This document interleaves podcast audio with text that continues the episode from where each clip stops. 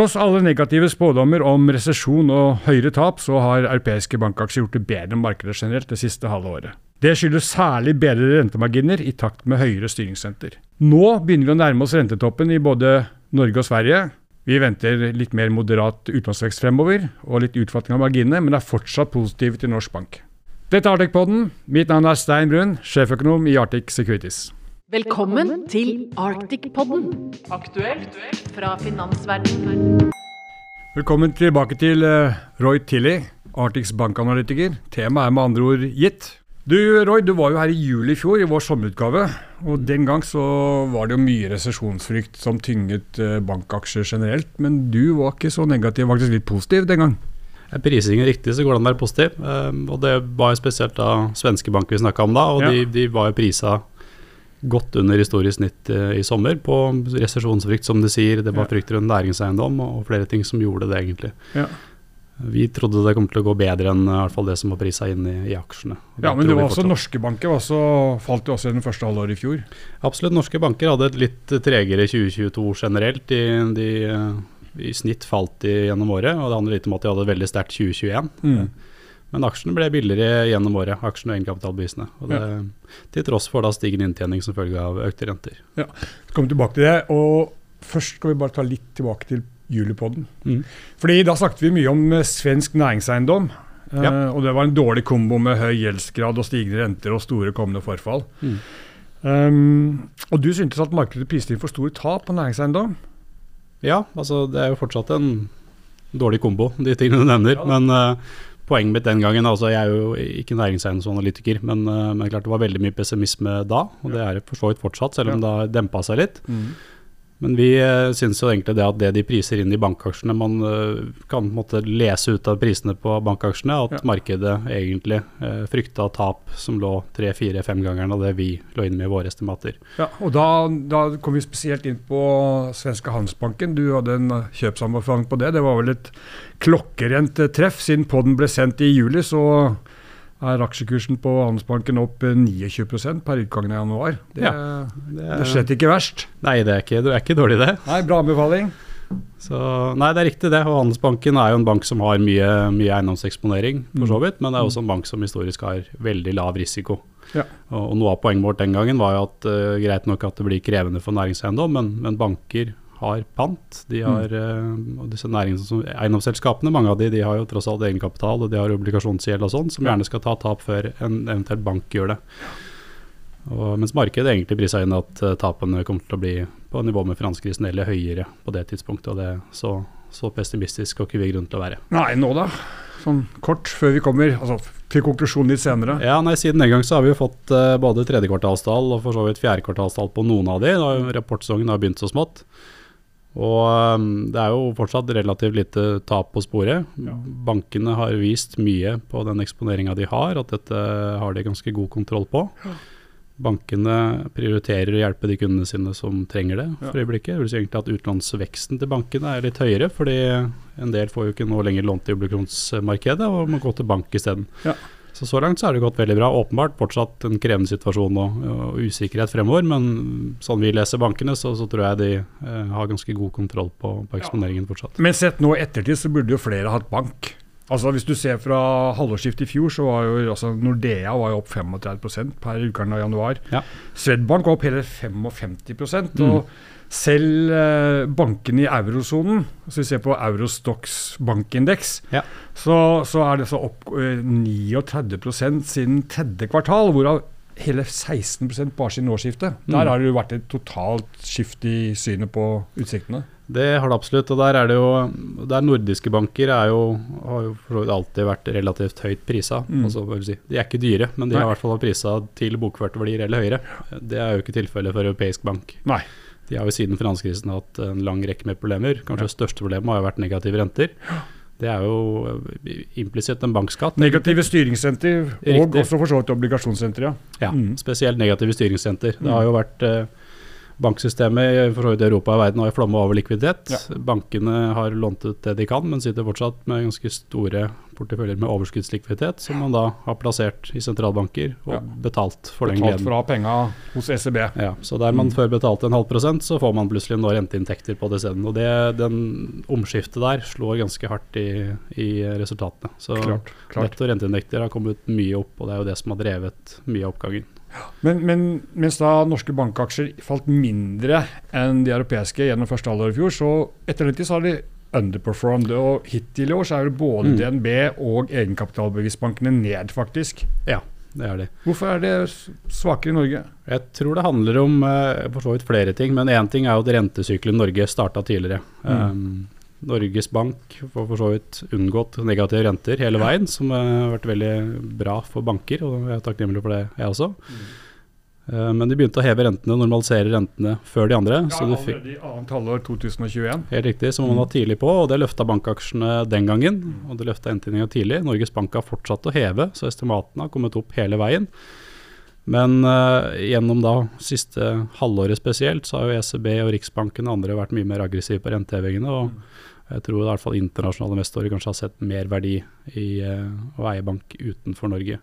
Og så har jo resesjonsfrykten sluppet litt i Europa, da, i hvert fall siste ukene, måned, par månedene. Det har den også. er jo Norge eh, et mer perifert marked for mange i hvert fall internasjonale investorer. Og de har en tendens til å sky eh, unna Norge litt når de makroen blir dårlig. Man er redd for høye boligpriser og en, og en økonomi som er veldig oljeavhengig.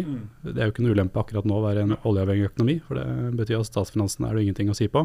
Så heter etter utlendinger ofte, spesielt utlendinger og utenlandske investorer, har en tendens til å overvurdere kanskje risikoen i, i norsk økonomi. Da. Ja, Det så vi jo under såkalte oljesmellen for en seks år siden. seks-syv år Ja. siden. Ja. Det var et kroneksempel på det. Vi må for ordens skyld si at vi spiller inn onsdag 1.2. Mm. Eh, og nå er vi midt i sesongen for resultater fra bankene for fjerde kvartal i fjor. Mm. Flere store banker har levert tall, Ja. Uh, mens i Norge så gjenstår jo da både DNB og de store regionalbankene. kommer først neste uke. Mm. Men hovedtrykket hittil er vel at uh, inntjeningen er bedre enn ventet, Mm. særlig som følge av sterkere vekst enn dere analytikerne har lagt til grunn når det gjelder netto renteinntekter. Ja, det er eh, en grei oppsummering. Jeg Mm. fikk jo tall fra Swedbank i går. Ja. Og Der var jo netto renteinntekter opp 30 fra forrige kvartal Ja. og 60% fra året før. Eh, En sånn bevegelse tror jeg aldri jeg har sett. Og, og selv om man eh, gjerne vil være fremoverlent optimistisk bankanalytiker også, så det, det skal litt til å legge inn det i estimatene. Men Mm. eh, det var det de leverte, og det så reelt ut. Det betyr at estimatene løfter seg ganske bra. Ja. Nå, nå for så vidt vært inne på det allerede, at Mm. bankene har fått drahjelp av, av sentralbankene. Ja. Altså Norges Bank økte jo renten med hva var det for noe? To og en kvart prosentpoeng i løpet av 2022, og Riksbanken med 2,5 prosentpoeng, så der Ja. fikk man noe mye drahjelp. Mm. Men det er kanskje ikke så mye igjen. Altså Vi venter jo at Norges Bank kommer med renteøkning i mars. Ja. Det kan være det siste. Mm. Og så kommer svenske Riksbanken, eh, høyst sannsynlig med 50 punkter, en halving, eh, 9.2. Og de har jo større inflasjonsproblem, så jeg, der tror jeg det kan komme en ny rentehevning på det neste møtet, som ikke er før slutten av april. Men så begynner vi nok å nærme oss toppen Ja. også der. Så hva skjer da med bankenes eh, marginer? Nei, Det er jo sånn sett et åpent spørsmål, men nå er det jo enn så lenge så er jo marginutviklingen veldig positiv. Og den fortsetter jo mest sannsynlig opp. Og vi vil jo se vekst i nett, nette renteinntekter også i første kvartal, spesielt for norske banker, fordi man allerede har eh, for så vidt heva boliglånsrentene, men det er jo en varslingsfrist, så Ja. den fulle effekten ser du først inn i, inn i, i 2023, eller i første og andre kvartal egentlig. Ja, da. ja. Eh, og så Når da renten eventuelt flater ut, så blir jo mer et spørsmål om, eh, om du klarer å opprettholde de gode marginene. ikke sant? Og Veksten er på vei ned, mest sannsynlig, og det betyr at konkurransen vil bli litt høyere. Så andre halvår, så kan, gitt at rentene flater ut, så blir det kanskje litt mer et spørsmål på, om margin. Og Det vi har lagt inn i våre estimater når vi sendte ut en sektorrapport på norske banker nylig, er jo egentlig at det blir en solid vekst i 2023, og så en utflating i 2024. Bare, bare for å ta det med utenlandsvekst først. fordi Mm. Norges Banks siste utlånsundersøkelse viste jo at det var lavere etterspørsel etter lån, Ja. særlig fra husholdningene. Mm. Eh, og Der ligger vel utlånsveksten nå på sånn rett over 4 laveste siden hva blir det for noe, 1995. Ja. Og Samtidig så meldte utlånsundersøkelsen om at bankene strammet til på utlånskravene sine. Ja, litt. Ja, så, Men, men komboen tilsier jo svakere utlånsvekst. Det, den gjør det. Enda svakere utlånsvekst enn 4 Egentlig. Så vi, mm. vi, forventer jo at den vil bykke enda litt lavere. Litt avhengig av hva som skjer med boligpriser. Ja, fordi historisk så er det jo altså boligprisutviklingen som styrer utlånsutviklingen til uh, husholdningene. Det er helt riktig. Mm. Så det er klart med 4 eh, utlånsvekst til den viktigste sektoren for bankene, så der har bankene, i hvert fall de vi dekker, hatt en veksttakt som har vært betydelig høyere enn det nå i ja. flere år. Så det er klart 4 hvis de da fortsatt ønsker å vokse 6-7 mange av de, så kan det fort gå litt på bekostning av pris. Ja, og, og det er vel heller mer sannsynlig at utlånsveksten til husholdningen skal ned som følge av lavere boligpriser de neste månedene. Det vil jeg tro. Ja. I hvert fall hvis vi måler boligprisene målt sånn år over år, da. Ja. Sånn som vi gjør med utlånsveksten. mm. Fordi eh, boligprisene følger også eh, deltaen på renteendringene. Det er riktig. Og hvis Norges Bank har litt igjen, så skal det kanskje presse boligprisene ned på kort sikt. Selv om det ikke er sånn kjempenegativ på boligpriser egentlig. Men i denne sammenhengen så er det i hvert fall ikke bull for utlånsvekst. Nei, det er det ikke nødvendigvis. Og så er jo utlånsveksten bedrifter har holdt seg på et veldig høyt nivå. Ja, det var høyeste siden 2009, ja, var det vel? Noe i den duren, ja. ja. Nesten 8 på ja. siste, siste, måling. Så mm. det er jo si, overraskende høyt, gitt mm. usikkerheten som er der. Så kanskje ikke den vil holde seg på det nivået. Mm. Men, uh, men, men, du, altså, du snakker om en utenlandsvekst da, med 3-5 sånn 23-24 under ett? Rundt der vi ligger på estimaten vår. Ja, men det er jo i utgangspunktet ikke noe til å bli veldig feit av. Nei, det er jo ikke det. Men uh, dette er jo en litt spesiell situasjon. Og det er klart, uh, utlåns, det er fortsatt en vekst på 35 det er, ikke, det er ikke det verste hvis de får til det. Uh, og Så får vi jo se hva som skjer etter det. Da, Men med, med komboen da med, med utflating i marginbedringen, mm. så, så, får du jo en, en resultateffekt. Det, det vil jeg få. Så det vi ligger inne med egentlig våre estimater for 2024, er jo at den veksten de får, eh, mer eller mindre nulles ut ved at marginene vil uh, krympe litt. da, Under forutsetning av at rentene blir ligge, liggende flatt, mm. eller eventuelt da, til og med kommer ned etter hvert. da. Mm. Og Da er det jo ofte sånn at aksjemarkedet fokusert på, på endringen. Og så poengterer vi i hvert fall i vår rapport at nivået skal man også ha i bakhodet. Ja. Og nivået på inntektene til bankene nå er på et veldig høyt nivå. Ja. Så selv om de da ikke skulle vokse fra 23 til 24, så er de på et nivå der aksjene ser billige ut. da. Og du får godt betalt for å sitte med det. Mm. Men når vi snakker om vekst og, og marginer, så mm. vi har vært innom, inne en situasjon de siste to-tre årene med mm. veldig sterk økning i, bank, i husholdningens bankinnskudd. Ja. for du hadde jo tvungen sparing under pandemien hvor du ikke kunne bruke penger på å reise på ferie, f.eks. Mm. Eh, så det vi så da var jo at eh, bankinnskuddene økte jo mye mer enn eh, den tidligere trenden. Mm. og, det, og, den ekstrasparingen har jo husholdningene nå brukt til å finansiere forbruk, fordi, fordi jo da inntektene ellers, lønningene, stiger mye mindre enn inflasjonen. Mm. ikke sant? Og nå, når de bankinnskuddene er på vei ned igjen, så kan du jo få en, du får da en, kanskje en dyrere base, da, finansieringsbase, enn det de har hatt de siste par-tre årene. Eh, potensielt, ja. Nei, mm. Du har rett i det. Og det har jo vært uh, den innskuddsveksten har vært ganske ekstrem, egentlig. Hvis du tar DNB som eksempel, de siste to årene så har innskuddene fra husholdninger opp 30% Oi. Og det, det, er mye. Ja, Det er ganske og, mye mer enn normalt, ja. Det er ganske mye mer enn normalt. Og det er jo veldig mye av norske bankinnskudd står på brukskonto og lønnskontoer som mm. ikke betaler rente, mm. i, uavhengig av hva styringsrenta er. Mm. Så det betyr at når da styringsrenta kommer opp, så er fundingkostnaden din fortsatt null på de, ja, ja. og utlånsrenten din øker. Så det er jo marginekspansjon. De, at de har vært disiplinerte til å heve innskuddsrenten? Ja, de har vært det. Altså, der er de alltid disiplinerte, men klart innskuddsrenten også på sparekontoer har de jo hevet mindre enn en utlånsrentene. Og På et eller annet tidspunkt så, så, blir de nødt til å gi mer til kundene sine. Og da vil de kanskje få en mindre effekt av rentehevingene. Så det er det virker ganske fornuftig å anta. Så. Ja, så du snakker jo, jeg sa jo egentlig det sted, ikke sant? harde mm. konkurranse ja. fremover. så Det kan også bidra til å presse litt, litt på marginen. At du i hvert fall flater ut den bedringen du har hatt. Da. Ja, og som du sier at en del husholdninger begynner å spise en del av de eh, innskuddene for å opprettholde forbruket i, gitt alt det som skjer rundt dem.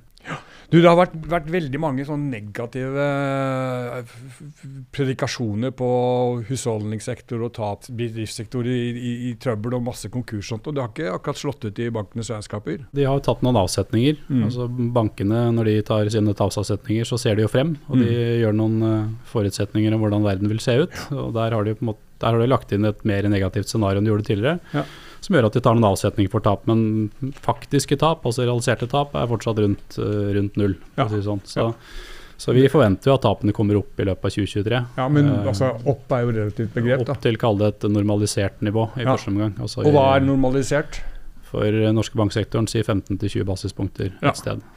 0,5 til 0,2% Ja, mm. rundt der. Ja, Det er jo lavt. det er lavt. Og mesteparten av det vil jo være på bedrift. På, på boliglån så er tapene historisk veldig, veldig lave. Ja, og Så kan vi jo da for etter hvert kanskje få en periode med tilbakeføring av tidligere tapsavsetninger. Det kan man også få. Mm. Bankene tok jo også en del avsetninger når covid traff. Mm. Verden så veldig mørk ut, veldig usikker. De tok eh, ganske store avsetninger for, eh, for tap. Mm. Og de tapene kom ikke pga. støttetiltak og andre ting. Så, så de, mange banker har fortsatt avsetninger liggende derfra som man kan tilbakeføre. Kan kalle det en liten støtpute da, for uh... De har noen innebygde støtputer i balansene sine. Mm. Og husholdningene har noen støtputer med innskuddene som ja, de har eh, spart opp. Så så ja, absolutt. Det er, en, det er ikke en enkel situasjon for veldig mange nå, men, men det, det, er ikke så langt ikke så mørkt som mange har spådd. Nei, det er riktig.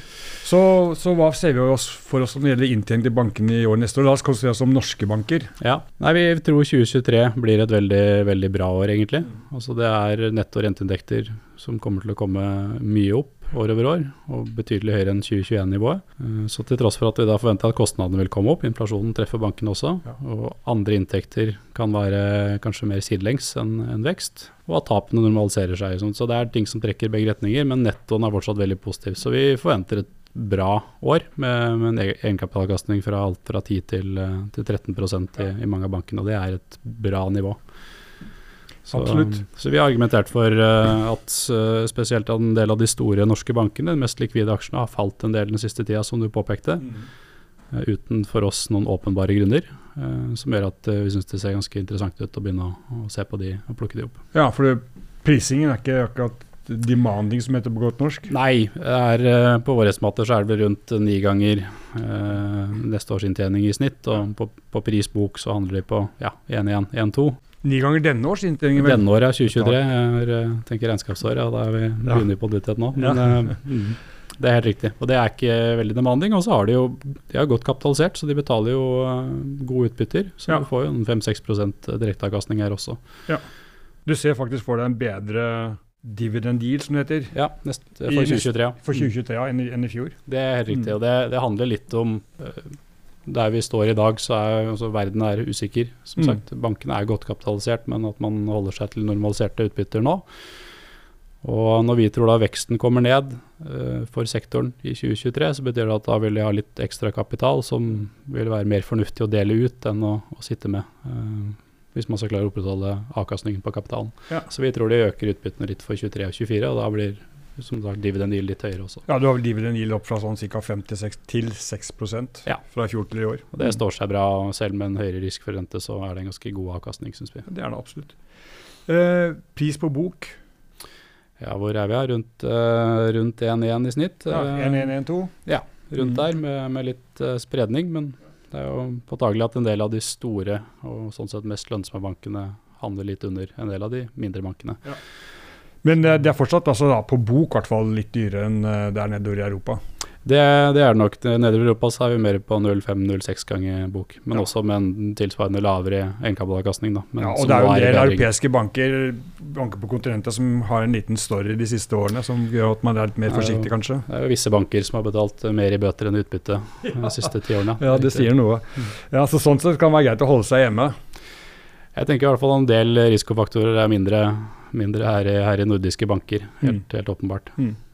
Nå, nå, er vi som sagt eh, fortsatt en del uh, bankrapportering for fjerde kvartal som gjenstår, men mm. hva er favoritten dine? Av de norske bankene så har vi, vi trukket fram uh, DNB som en, uh, en favoritt. Mm. Og også en del av de store regionsbankene, sånn som uh, Sparebank1 Midt-Norge, eller SMN, ja. Ming. Ja. SR Bank liker vi også, og Sparebank1 Østlandet er en vi har trukket fram. Ja, de mot target business så er det snakk om en sånn 18-20 oppside. Rundt det på våre ja. kursmål, ja. ja. Fortsatt hyggelig det, hvis det, det er fortsatt hyggelig. targeten din slår til. Så har vi fortsatt uh, kjøp på de fleste svenske bankene, selv om det nå begynner å nærme seg noe i, på kursmålene våre der også. Ja, og, men der kan kanskje renteeffekten holde seg noe lenger enn i Norge, da? Hvis uh, Svedbank og SEB sine rapporter så langt uh, er en indikasjon, så, så, er det mer i på. Ja. Mm. Men da går vi et fortrøstningsfullt bankår i møte, da, Roy? Ja, det blir, det blir et spennende år. Men, ja. Det er alltid spennende, det er alltid spennende, da. Alltid spennende, men jeg syns ting ser uh, Vi er optimister. Ja, og så bare minner jeg om at Roy traff planken perfekt 14.07. i fjor. Takk skal du ha. Takk skal du ha. This podcast has been prepared by Arctic for information purposes only. The information, opinions, and recommendations presented in this podcast are for general information only, and any reliance on the information provided in this podcast is done at your own risk. This podcast should not be considered professional advice. The information provided in this podcast is not intended to constitute investment advice, nor is the information intended as an offer or solicitation for the purchase or sale of any financial instrument. Relevant and specific professional advice should always be obtained before making any investment or credit decision. It is important to note that past performance is not indicative of future results. This podcast does not fulfill the criteria for preparing investment research and must be seen as marketing material. All information submitted during this podcast is obtained from public sources that Arctic believes to be reliable, but which Arctic has not independently verified. Arctic makes no guarantee, representation, or warranty as to its accuracy or completeness. No liability whatsoever is accepted for any direct or indirect, including consequential loss or expense arising from the use of information from this podcast.